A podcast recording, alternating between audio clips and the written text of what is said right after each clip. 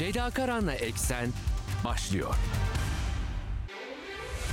Dünya kadar mesele, dünyanın tüm meseleleri. Ceyda Karan, eksende dünyada olup biten her şeyi uzman konuklar ve analistlerle birlikte masaya yatırıyor. Dünyadaki meseleleri merak edenlerin programı Ceyda Karan'la Eksen hafta içi her gün saat 16'da Radyo Sputnik'te.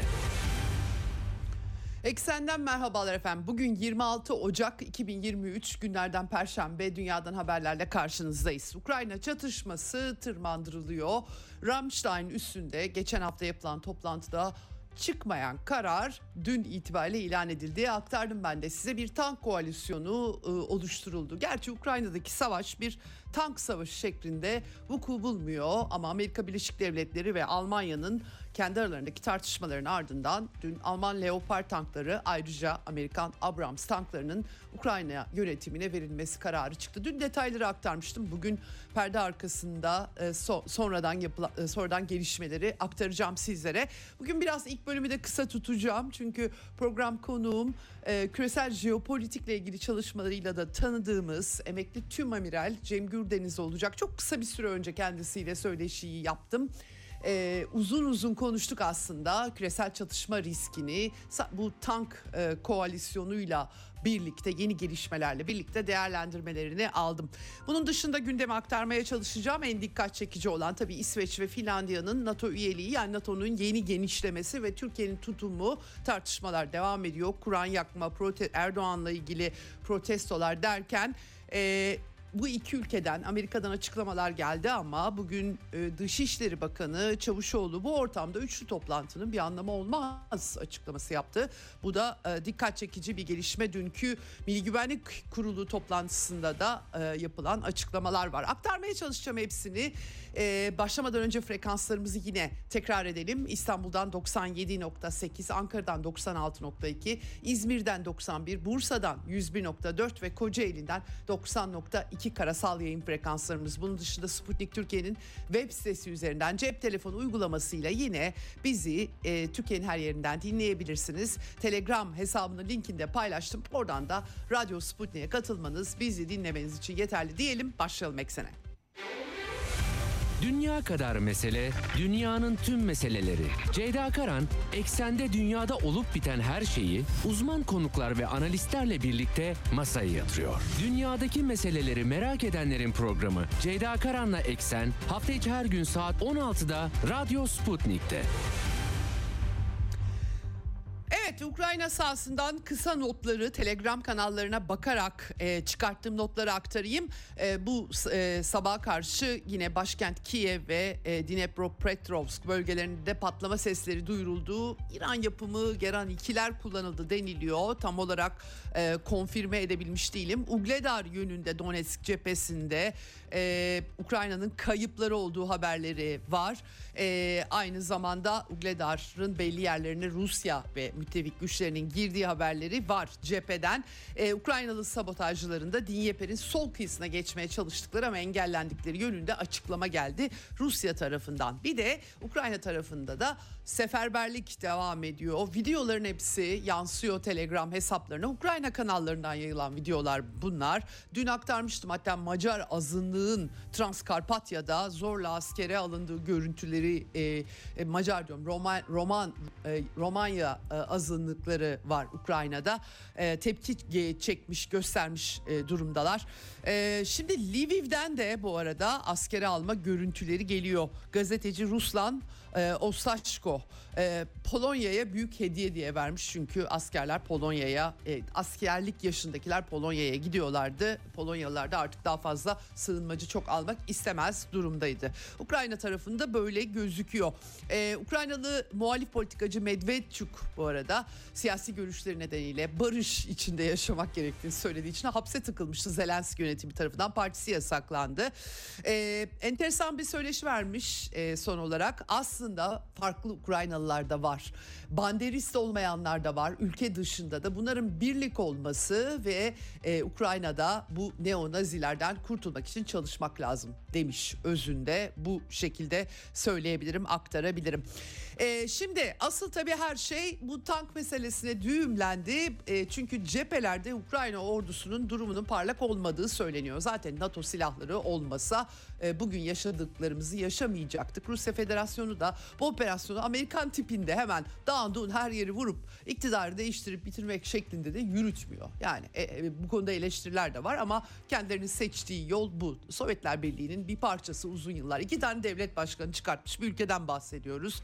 E, parçalanmayla ilk defa bir devlet olmuş bir e, ülkeden bahsediyoruz. Tercihleri bu şekilde e, e, cereyan ediyor. Rusça konuşan bir nüfus var. Farklı bir operasyon. E, 2014'te e, Kiev'deki darbeden sonra başlayan bu iç savaşın bu gelinen aşamasında tabii Batı ülkeleri müdahil tamamen.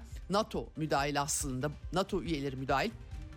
Çok tartışma oldu. Ben aktardım size Rammstein üstünde geçtiğimiz cuma bir araya geldiler. Almanya ile ABD'nin çekişmesine sahne oldu. Hatta Süddeutsche Zeitung'a göre Başbakanlıkta Pentagon şefi Lloyd Austin'le bir tartışma bile yaşandı. Çünkü Scholz önce Amerikalılar Abrams'ları versin ondan sonra bizden Leopard istensin şartı koştuğu öne sürülmüştü. Bunun sızmasına Amerika'nın sinirlendiği anlaşılıyordu.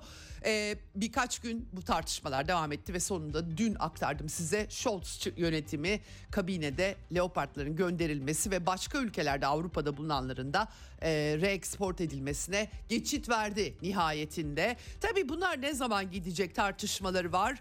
E, 3-4 ay deniliyordu. Gerçi Almanya Savunma Bakanı Boris Pistorius açıklama yaptı. Mart sonu Nisan başı dedi. Ee, Rusya'nın büyük bir saldırısı olacak mı olmayacak mı? Papatya falları açılıyor ama bilemiyoruz henüz. Bakalım e, buradan ne çıkacak? Almanya dün en çok konuşulan ben aktardım yine siz Almanya Dışişleri Bakanı'nın Rusya ile savaştayız diye Almanların haberi yok galiba. E, gerçi kendisi daha önce birkaç ay önce de Alman e, vatandaşlarının ne düşündüğü beni ilgilendirmiyor ki ve yardıma devam edeceğiz demiş idi. Dolayısıyla böyle enteresan da bir resim var. E, ama Scholz ve sosyal demokratlar e, bunu e, dizginlemeye çalışıyorlar gibi gözüküyor. Scholz nitekim ne bugün ne gelecekte savaş uçağı ya da asker gönderilmeyecek dedi. Zaten tankları göndererek Nazi e, günlerinin e, tekrardan herkesin aklına düşürmeyi başarmış durumdalar Alman tankları, panzerleri.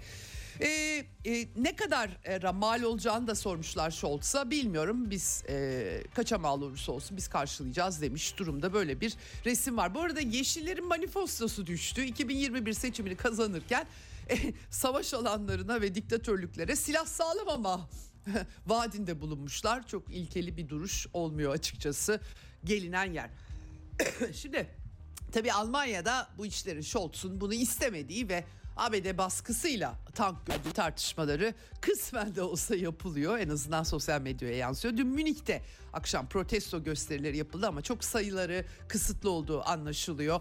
Barışı silahsız yapın. Ukrayna'da Alman tanklarına hayır şeklinde e, pankartlar taşındı. Hemen Scholz'un ardından dün e, tabii eksenin süresine yetmedi ama belliydi açıklamanın geleceği. Nitekim Joe Biden çıktı. 31 M1 Abrams tankı göndereceklerini duyurdu. Scholz'a teşekkür etti.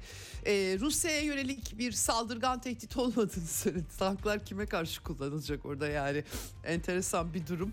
Ee, e, şimdi tabii e, bu arada Amerikalılar bir yıl içerisinde gönderecek deniliyor ama gerçekten böyle mi bilmiyorum. Bir takım e, videolar düşüyor. Polonya'nın şimdiden elinde olduğu söylenen bir takım Abraham Polonya üzerinden daha doğrusu bir takım Abrams'ların Ukrayna'ya gittiği yolunda Abrams tanklarının görüntüler var. Doğru mu onu da bilmiyorum doğrusu. 400 milyon dolar değerinde yeni yardım paketi Amerikalılar duyurmuş durumdalar. Sadece kendi toprakları diyorlar Amerikalılar. Biz barış için biliyorsunuz bunlar veriliyor zaten öyle diyorlar. E, tabii bu arada bir Rusya'yı mağlup etmek falan onlar baki devam ediyor. Amerikan Büyükelçisi Lynn Tracy Moskova'da göreve başladı. Sancılı bir dönemde bunu belirtmek lazım. Zelenski yönetimi memnun. Uzun menzilli füzeler ve savaş uçakları niye uzun menzil Rusya'yı vuracak çünkü. E, buna ihtiyaç olduğunu söyledi. Putin'le e, görüşmeyi düşünmediğini söyledi. Zaten Putin'in de böyle bir niyeti olduğunu zannetmiyorum. Dışişleri Bakanı Andrei Melnik Ukrayna'nın savaş gemileri denizaltılar istedi. Enteresan. Nerede kullanacak acaba bilmiyoruz. E, Reznikov tank vermek istemediler şimdi verdiler. Nükleer silah dışında alamayacağımız bir şey yok dedi. Bu da enteresan bir e, durum. Şimdiden Lockheed Martin şirketinin F-16 vermesi e, konuşuluyor e, diyebiliriz efendim.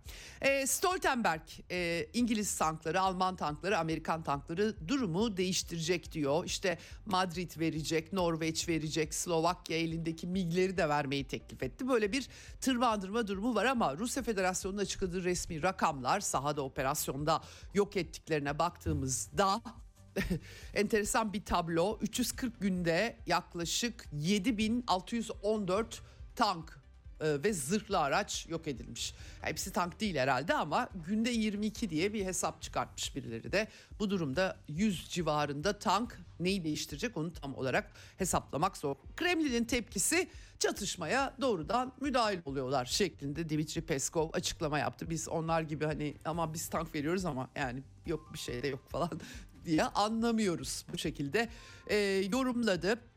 Ee, e, bu arada e, tehlikeli diye e, Berlin Büyükelçisi Rusya'nın açıklama ya- açıklaması var. Nazilerin işlediği suçlar konusunda taşıdığı tarihi sorumluluğu Almanya'nın nihai olarak reddettiği anlamına geliyor diye. Banderist bir yönetime tank veriyorsunuz nihayetinde. E, bunun bir de uranyumlu mermi e, kullanımını e, tehlikesi. Çünkü Leopard 2 tankları için uranyum çekirdekli hava mermisi yani onlardan göndermeyin çünkü o zaman nükleer girecek işe e, diye Viyana'daki askeri güvenlik silah kontrolü müzakerelerinde Rusya'nın temsilcisi Konstantin Gavrilov e, bir ikazda bulunmuş demedi demeyin diyor özetle. E, e, yani e, hakikaten Bayer Boh'un bu arada Rusya ile savaştayı sözlerine e, Zaharova'nın tepkisi var Rusya Dışişleri Sözcüsü'nün. Önceden zaten bunu planlamışlardı. Merkel de söyledi zaman kazandık dedi e, diye o da e, değerlendirmiş durumda. E, Putin ise Moskova Devlet Üniversitesi'nde öğrencilerle bilim alanında e, buluşmasında Almanya'nın, Alman, Sovyetler Birliği'nin e, Almanya'da vesaire hiçbir gücü kalmadığını ama Amerikan işgalinin 2. Dünya Savaşı sonrası devam ettiğini söylemiş bir sürü Amerikan üssü var. Ramstein üssü de Amerika ev sahipliğinde Almanya topraklarında bu toplantı gerçekleşmişti. Bu da e, enteresan. E, bu arada Anthony Blinken'ın bir takım e, e, bu Rusya'nın bu tanklara falan saldırmaması karşılığında çatışmayı dondurma teklifleri yapabileceğine dair iddialar e, ortaya atılıyor. David Ignatius enteresan bir makale kaleme almış. e, Amerika cephesinde bu da e, ilginç. Evet BRICS zirvesi bu arada Ağustos'ta ilk defa pandemi sonrası yüz yüze yapılacak ortak para birimi oluşturulması gündeme alınacak. Sergey Lavrov da Afrika turunda e, devam ediyor Rusya diplomasi için. Meksika e, Devlet Başkanı Obrador Almanya'nın medya baskısıyla tank verdiğini söylemiş. Oligarşilerin medyayı kullanarak hükümetler üzerinde baskı kurduğunu söylemiş. Tank yorumu e, bu şekilde olmuş durumda. Ve Türkiye, Finlandiya, İsveç e, protestolar Üçlü mutabakat e, yerine gelmiyor bir türlü. Finlandiya e, Temmuz'a kadar Türkiye'de seçimler var. Finlandiya'dan açıklama geldi. Temmuz'a kadar onayı bekliyoruz şeklinde. E, İsveç de beklenti içerisinde ama tam tarih vermedi Türkiye bize diyor. E, bugün Dışişleri Bakanı e, Çavuşoğlu e, Kur'an yakma olayı nedeniyle İsveç hükümetine tepki göstermiş ve karar vermesi lazım İsveç'in demiş. Bu ortamda üçlü toplantının mutabakat için anlamı olmayacağını söylemiş. Bu da dikkat çekici. MGK'da da aynı zamanda Milli Güvenlik Kurulu toplantısında da NATO'ya katılmak isteyen devletlerin müttefiklik hukuku ve ruhuna uygun hareket etmesi gerektiği vurgusu yer aldı. Bu iş ne olacak daha hep beraber e, göreceğiz. NATO içerisinde veto kartı nasıl kullanılacak e, açıkçası e, hepimiz merakla bekliyoruz. Dün bildiğin haberini aktarmıştım.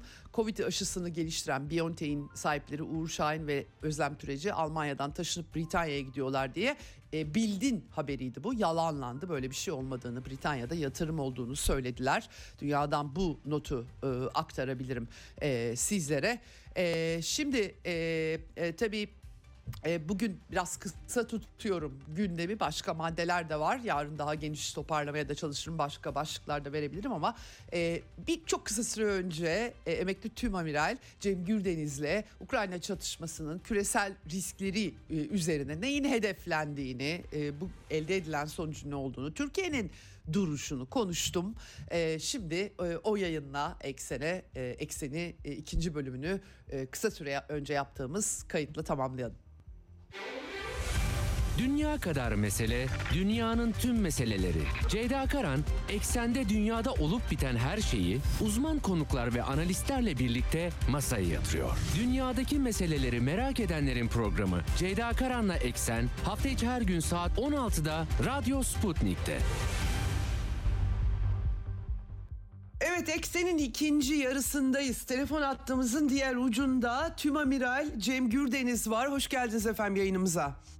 Hoş bulduk efendim. Emekli tüm amiral onu düzeltelim. Evet evet e, emekli e, diye düzeltelim kusuruma bakmayın. E, şimdi e, e, efendim şimdi e, tabii Ukrayna çatışmasını izliyoruz hepimiz küresel e, yankılarıyla birlikte en son geçtiğimiz hafta e, Cuma günü Ramstein'da Almanya'daki Amerikan üstünde Amerikalıların ev sahipliğinde bir toplantı yapılmıştı. Orada çok ciddi tartışmalar yansıdı. Özellikle müttefikler e, arasında bir takım sıkıntıları Almanya bağlamında e, işaret eden fakat e, baskılar olduğu anlaşılıyor. Scholz hükümetine e, kendi içlerinde de e, uzlaşmazlıkları anlaşılıyor. Dışişleri Bakanı savaş savaştayız açıklaması yaptı derken e, bir tank koalisyonu oluşmuş gözüküyor Ukrayna çatışmasında.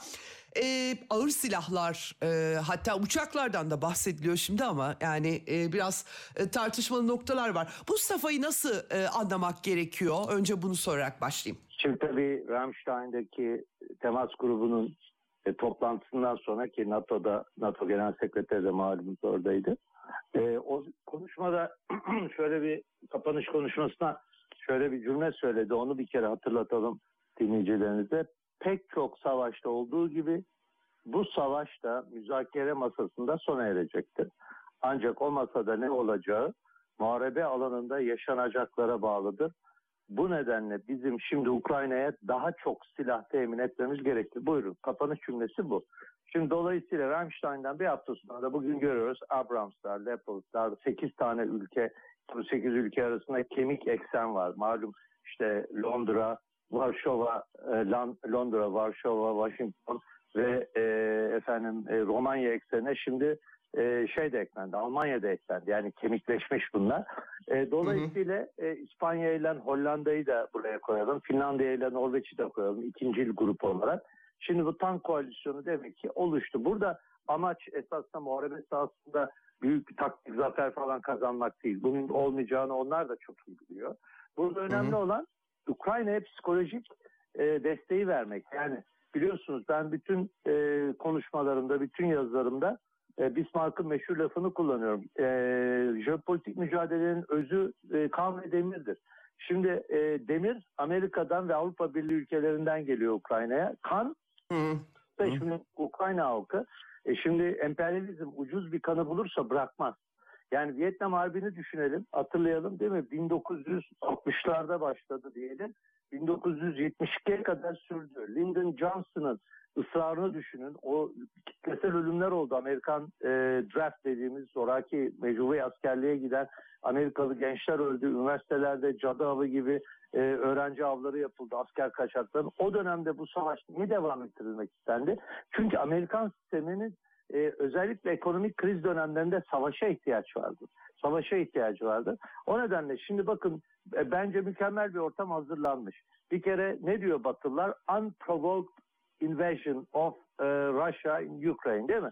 Rusya diyor unprovoked e, olmadığı halde işgal. Hayır.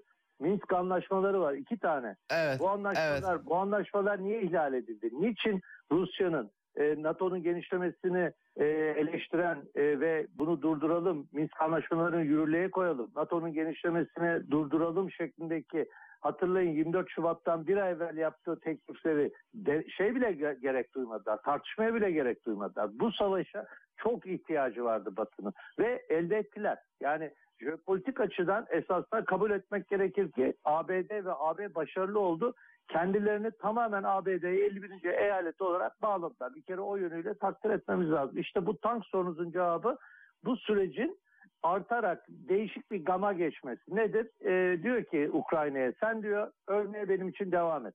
45 milyon nüfusun var.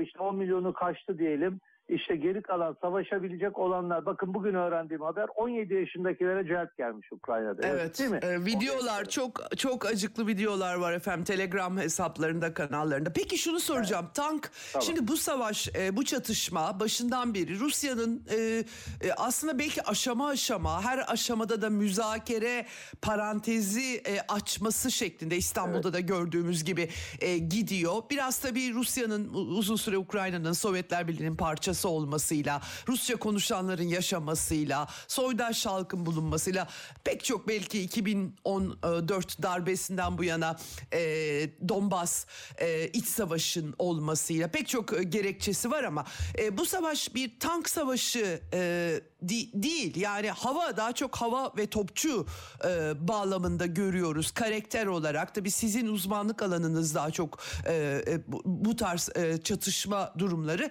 E, bu, bu tanklar e, böyle bir şey mi bekleniyor? Yani bir e, ovalarda bir tank savaşına dönüşmesi mi bekleniyor? Bir üstünlük sağlaması. Çünkü bir daha çok füzeleri görüyoruz. Uçuşan İHA'ları görüyoruz. Yeni teknoloji hava e, meselesini görüyoruz. Ne dersiniz yani bu aşamayı e, e, açımlarken e, e, E, tankların yani, e, katkısı? şöyle söyleyeyim.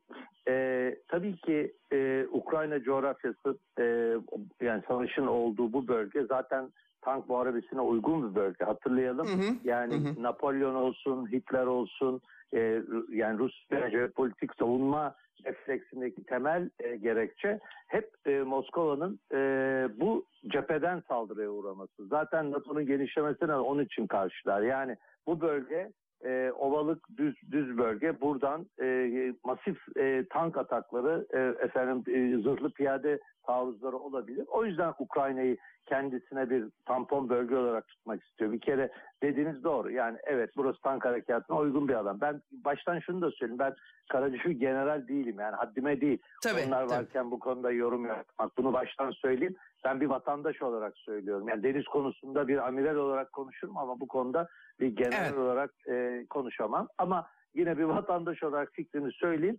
E, fakat şartlar 2. Dünya Savaşı'nın Kursk e, tank savaşı gibi veya Kore'deki efendim tank savaşı gibi e, değil. E, şartlar çok değişik şu an. Şartlar e, hava tehdidinin özellikle tank savar silahların son derece gelişmiş olması. Dediğiniz gibi gerek hava kuvvetlerinin tank e, tanklara karşı harekatı gerekse e, İHA ve SİHA'larda e, pardon SİHA'larda bulunan bazı silahların tanklara karşı kullanabileceği de göz önüne alınırsa zaten bugün e, açıklama yaptı Rus e, sözcüsü.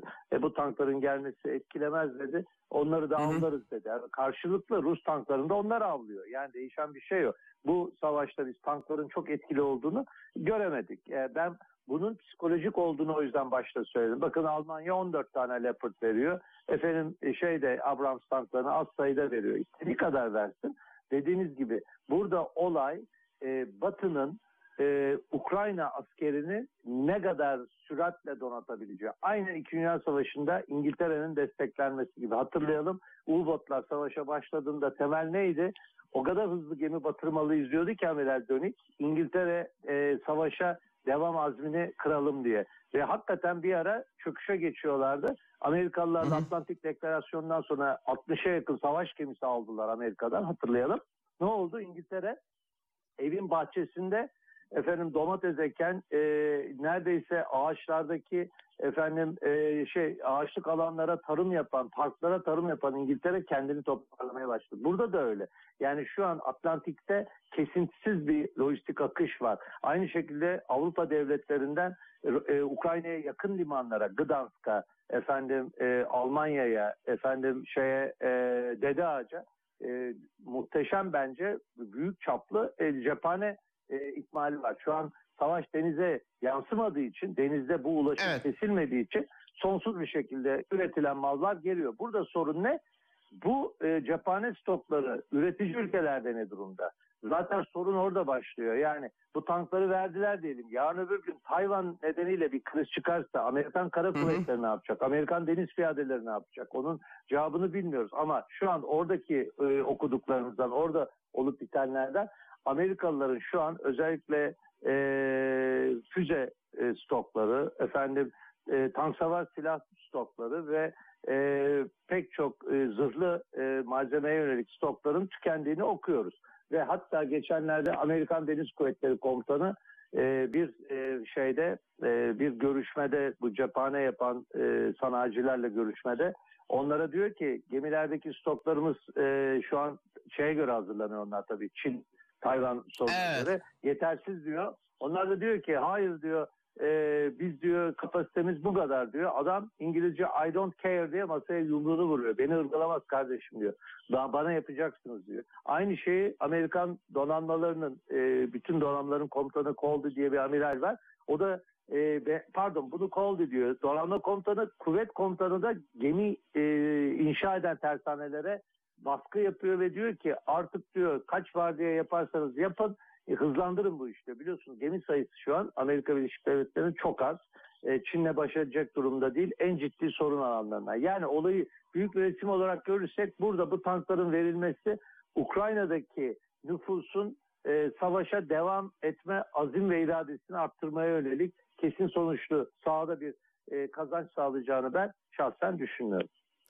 Peki efendim e, şimdi bir yandan da hakikaten çok acayip bir resim oluştu. Çok da militarist bir e, batı medyası görüyoruz. E, Sürekli olarak savaşın daha da Rusya'nın mutlaka yenilmesi, mağlup edilmesi. Tabii Rusya nükleer bir güç e, şey değil, Irak değil, Suriye değil ya da Amerika'nın 30 yıldır e, müdahale etmekte şu veya bu gerekçeyle olduğu ülkelerden birisi değil. Tabii bu biraz bir problem e, başlığı oluyor.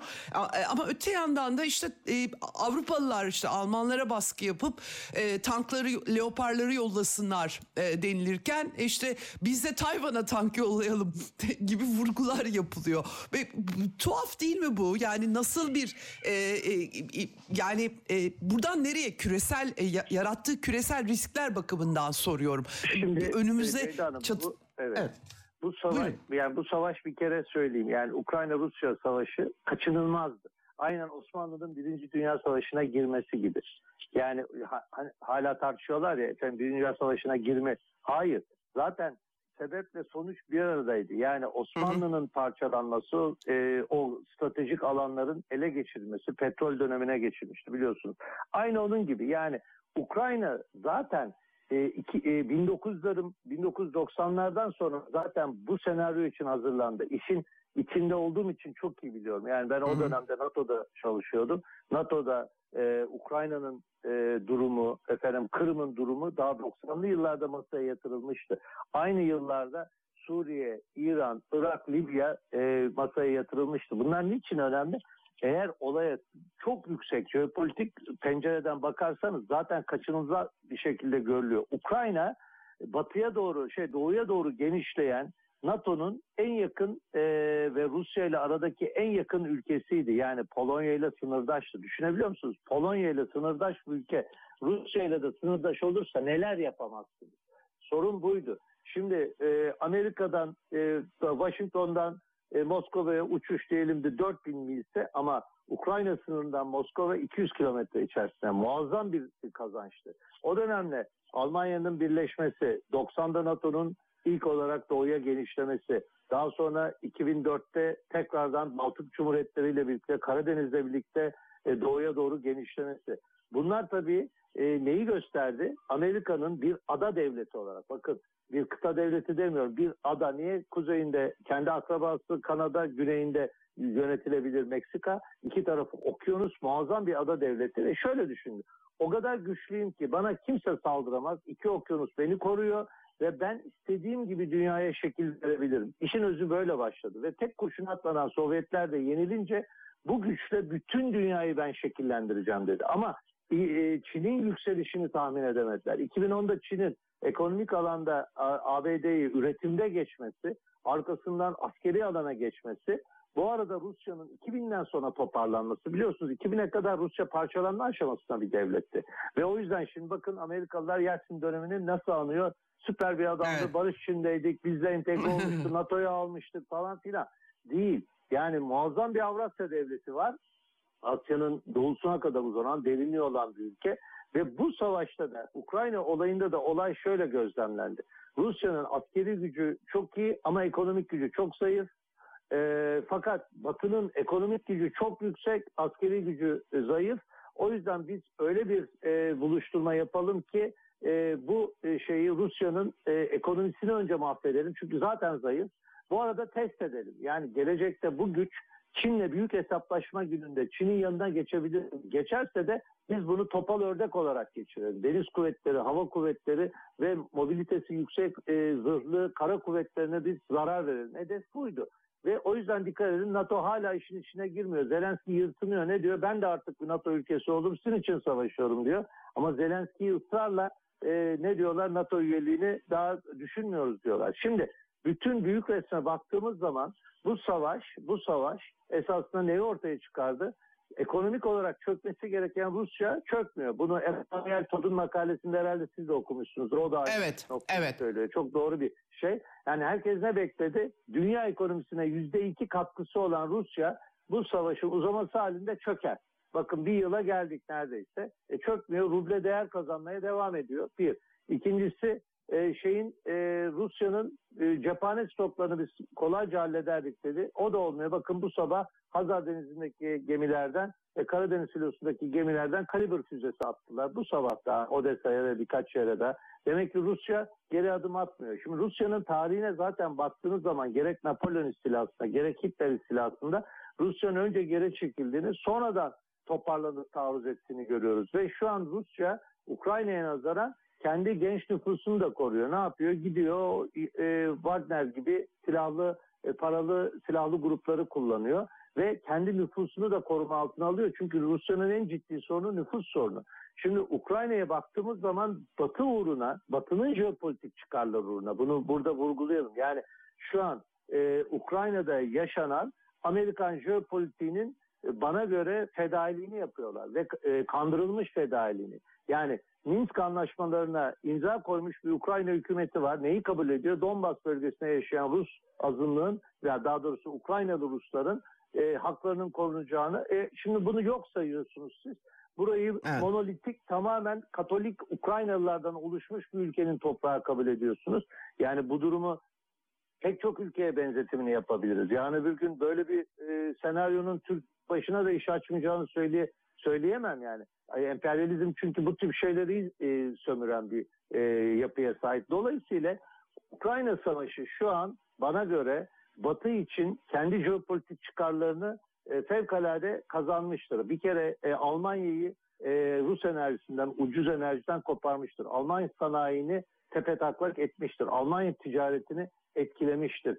Ee, Avrupa Birliği'nin artık bağımsız Avrupa savunma konseptini bana göre tamamen ortadan kaldırmıştır. Fransızları Avrupa'nın liderliğini yapamayacak kadar küçük düşürmüştür. Daha ne sayayım yani e, Evet. o kadar e, Amerikan jeopolitiği şu an kazançlı ki.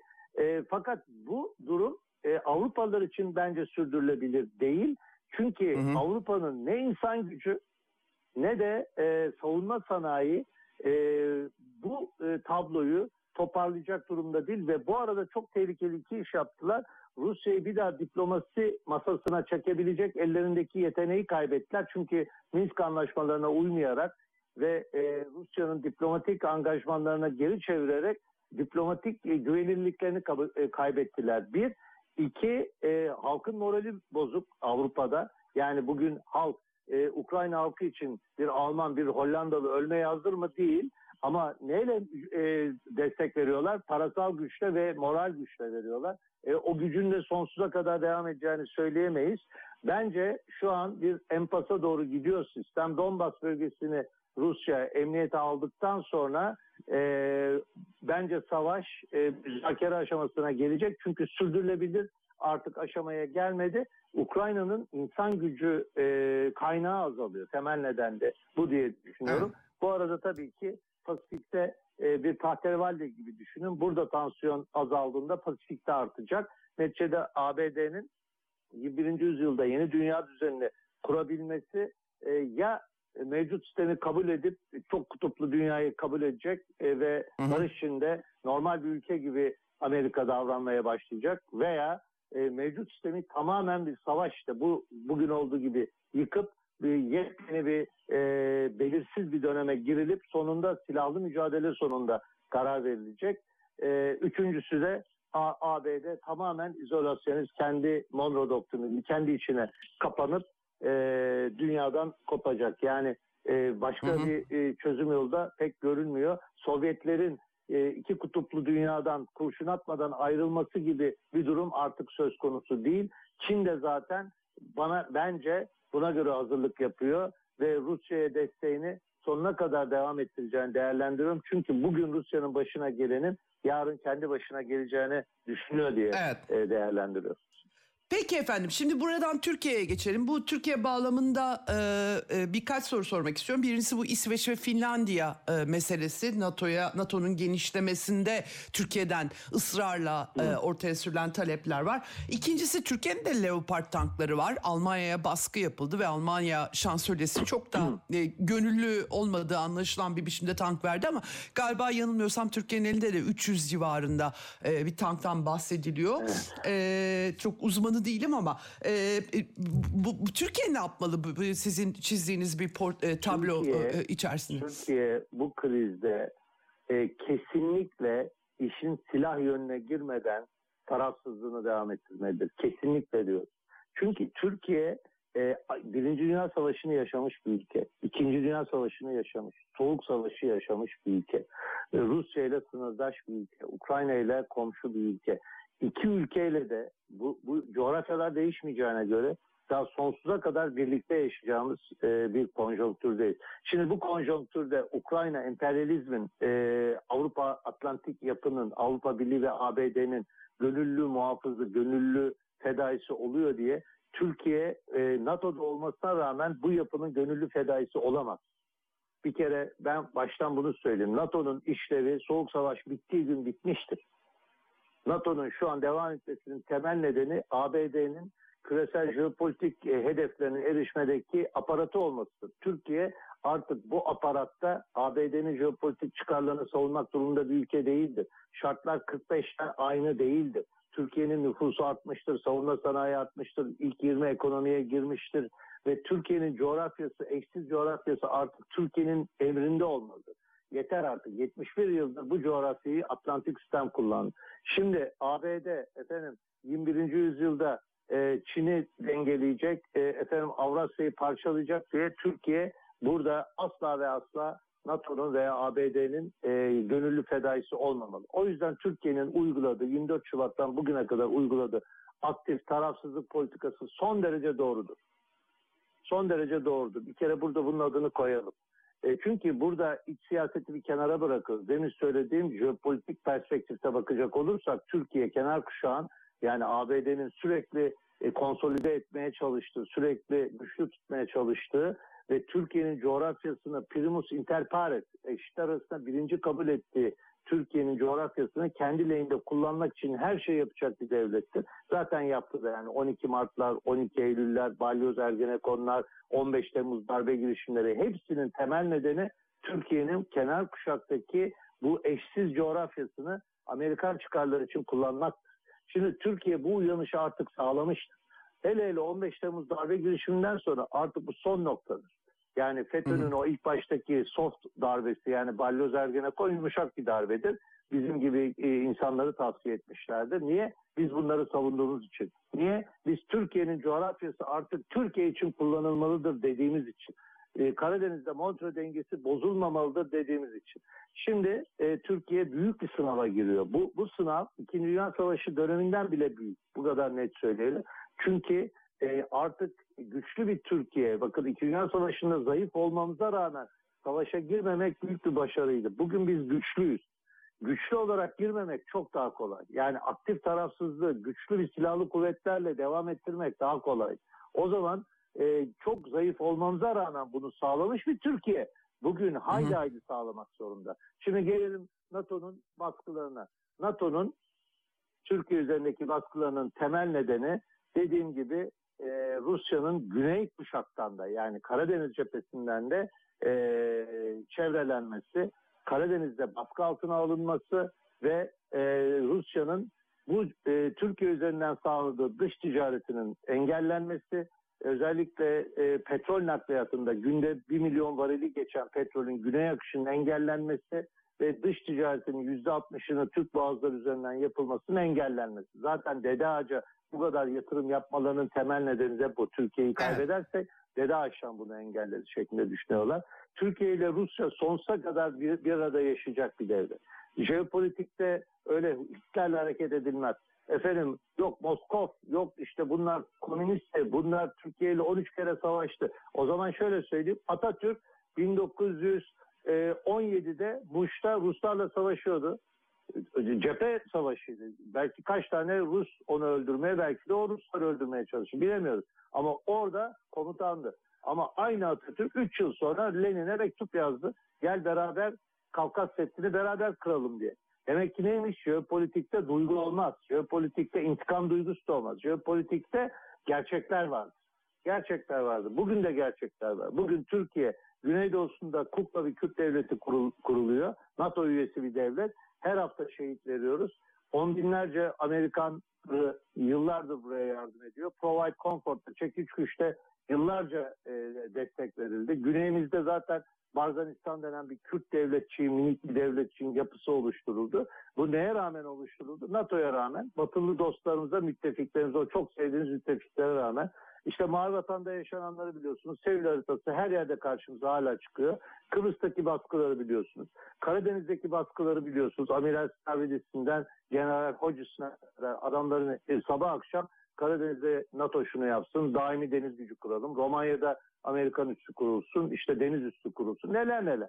Şimdi dolayısıyla hı hı. Türkiye artık kendi jeopolitik çıkarlarını yani milli menfaatlerini NATO menfaatlerinin üstünde tutmalıdır. Çünkü 1945'teki gibi dev Sovyetlerden Stalin'in Türk boğazlarını beraber yönetelim, burada üst kuralım gibi talebi de yok. Şu an Rus, Rusya ve Batı'nın e, onu parçalaması veya e, onu zayıflatması tehdidiyle karşı karşıyayken kalkıp biz hala eski paradigmalarla efendim 13 kere savaştık. Yarın bir gün İstanbul Boğazı'na gelecekler. Kars Ardahan'a alacaklar gibi e, akıl dışı senaryolarla hareket etmemiz gerekir. Mantıkla hareket etmemiz gerekir. Ben her zaman söylüyorum. Parçalanmış Rusya, parçalanmış Türkiye demektir. Eğer Türkiye Karadeniz'in bütün kıyıdaşları tarafından e, Batı tarafından kuşatılırsa zaten bu demin saydığım Türkiye'nin milli menfaatlerini biz koruyamayız, karşılayamayız. Kuşatılırız.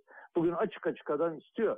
Yani e, kalkıp bir Amerikalı general, PKK'lı e, teröristle yan yana fotoğraf veriyorsa, PYD bizim en yakın müttefikimiz diyorsa, Libya'da e, Türk'ün karşısına çıkıyorsa, e, Mavi Vatan'da e, Yunanistan'la e, Kıbrıs'la ortak tatbikatlar yapıyorsa, Dede Ağaca bu kadar yığınak yapıyorsa, e şimdi biz kalkıp da hala 1945'lerde Fuat Köprülü, Celal Bayar, Adnan Menderes üçlüsünün Amerikan güzellemesini yapamayız. Yani gerçeklerle hareket etmemiz lazım. Gerçekler de her hafta verdiğimiz şehitlerdir. Gerçekler FETÖ kumpası nedeniyle tavsiye edilen binlerce insandır. O bakımdan e, Türkiye'nin bu pozisyonda e, NATO'dan, Washington'dan, Londra'dan, hele hele Londra'dan yani Londra artık bana göre özgür ağırlığını tamamen yitirmiş. E, son belki de 130 yılın en kötü ekonomik durumundaki bir ülke. Zaten e, monarşinin yaşadığı skandalları hep birlikte görüyoruz. Ama görüyorum ki Türkiye şu an İngiltere'de bile neredeyse e, aynı ortama, aynı stratejik perspektife girmeye yakın görünen hamleler görüyoruz. O bakımdan Türkiye aklını başına almalı, bağımsız, aktif tarafsız politikasını e, devam ettirmeli. Türkiye'nin şu an Türk'ten başka dostu olmadığını bilmeli ve jeopolitik gerçeklerle hareket etmeli. E, son olarak e, çok kısa bir de şu e, İngiltere'den alınmak istendiği iddia edilen fırkateynler e, e, sizin bununla ilgili e, tweetlerinizi de gördüm. E, hakikaten böyle bir şey e, söz konusu mu? E, gerekçesi nedir? Bir şey e, bunun Benim e, görüşüm şu. Faydaları, zararları nedir? Tamam. Ceyda Hanım ben İngiltere'de Gaziantep Fırkateyni komutanı iken 3 e, aylık çok yoğun eğitim e, ve tatbikat programına katıldım. İngilizlerle, İngiliz denizcilerle ve çok çok takdir ederim iyi denizcilerdi.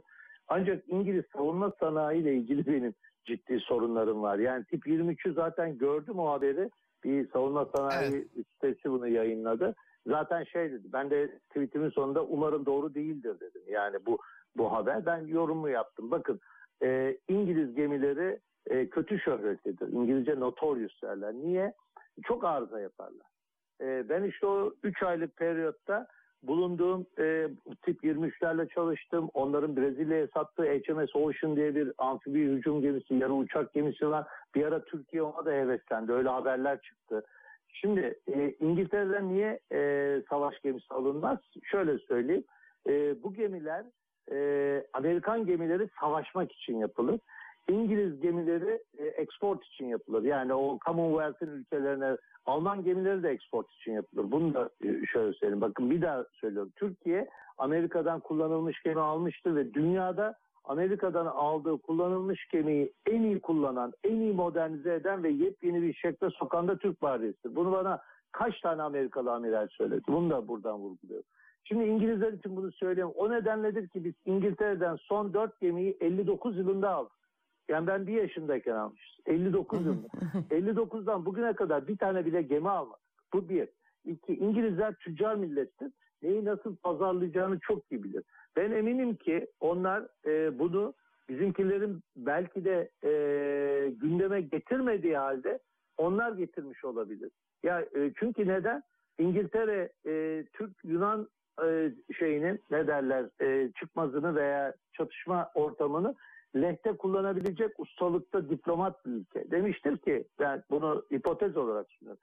Ya işte e, siz İngiliz şeyle Yunanistan'la kuvvet dengesine baktığımızda zayıf yerleriniz var. Anadolu amfi hücum geminiz e, hizmete girecek. Bunu koruyacak gemiye ihtiyacınız var. Bakın biz size şöyle şöyle pakette belki de böyle bir sunumda bulundular. Bunu bilemiyorum. Ama bunun gündeme düşmesi, bunun Türkiye'nin e, müzakere masasına alması bile bence yanlış. Niye yanlış? Türkiye e, dünyada aynı anda şu an üç ayrı ülkeye savaş gemisi yapan bir ülke. Biz şu an Nijerya'ya, Ukrayna'ya, Pakistan'a savaş gemisi yapıyoruz. Yani korvet ve fırkateyn yapıyoruz bu ülkeleri. Şimdi e, adama sorarlar kardeşim sen üç ülkeye aynı anda savaş gemisi yapabilecek yeteneğin var. Efendim amfi gemisini yapmışsın. İstif sınıfı e, şeye fırkateyne geçmişsin. Milgem aldı başını gidiyor. E, bu koşullarda senin e, niçin bu kadar acele ediyorsun? Ha diyorlar ki efendim Yunanistan'da kuvvet dengesi. O zaman ben de şunu soruyorum. Bu gemiyi aldığınız takdirde bu geminin şu an Türkiye'de eşleniği olan yani Türkiye'de altyapısı olan ne silah sistemi var ne sensör hı hı. var ne de ana tahrik ve yardımcı sistemi var. Hiçbir şey yok. Düşünün yepyeni bir e, sistem alıyorsunuz. E, bunun bakımı, modernizasyonu, yedek parçası. Ha diyelim ki kriz başladı. Evet çıktı Yunanistan'la savaş.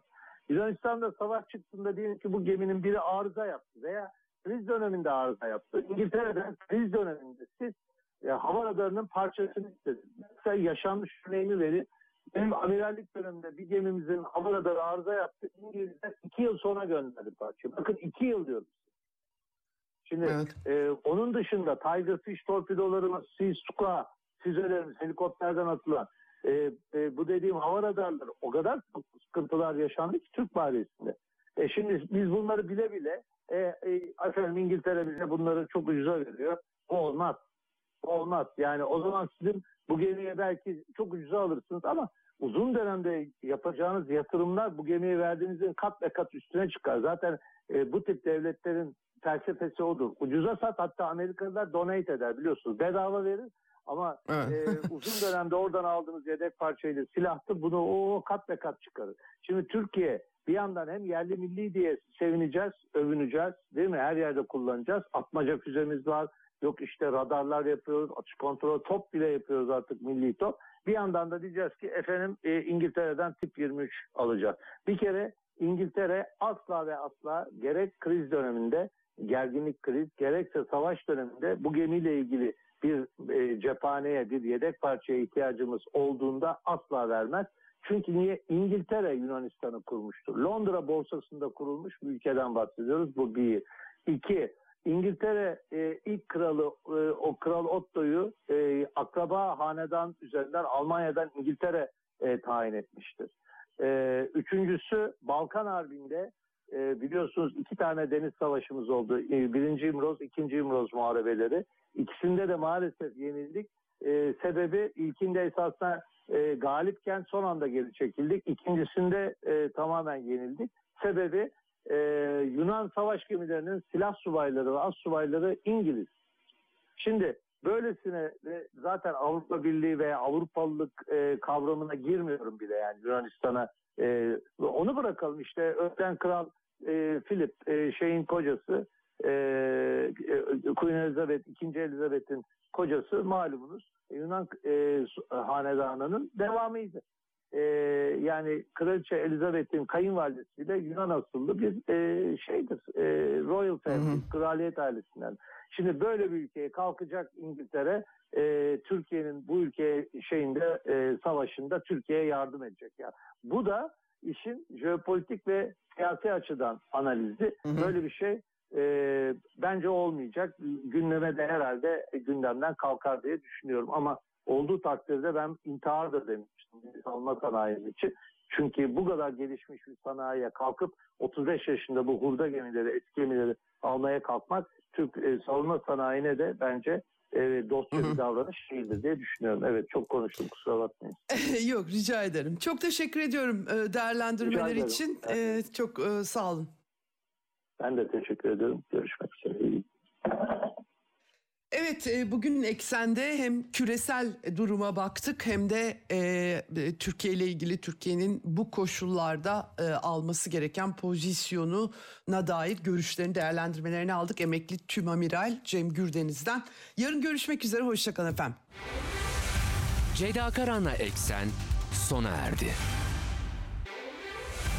Dünya kadar mesele, dünyanın tüm meseleleri. Ceyda Karan, eksende dünyada olup biten her şeyi uzman konuklar ve analistlerle birlikte masaya yatırıyor. Dünyadaki meseleleri merak edenlerin programı Ceyda Karan'la Eksen hafta içi her gün saat 16'da Radyo Sputnik'te.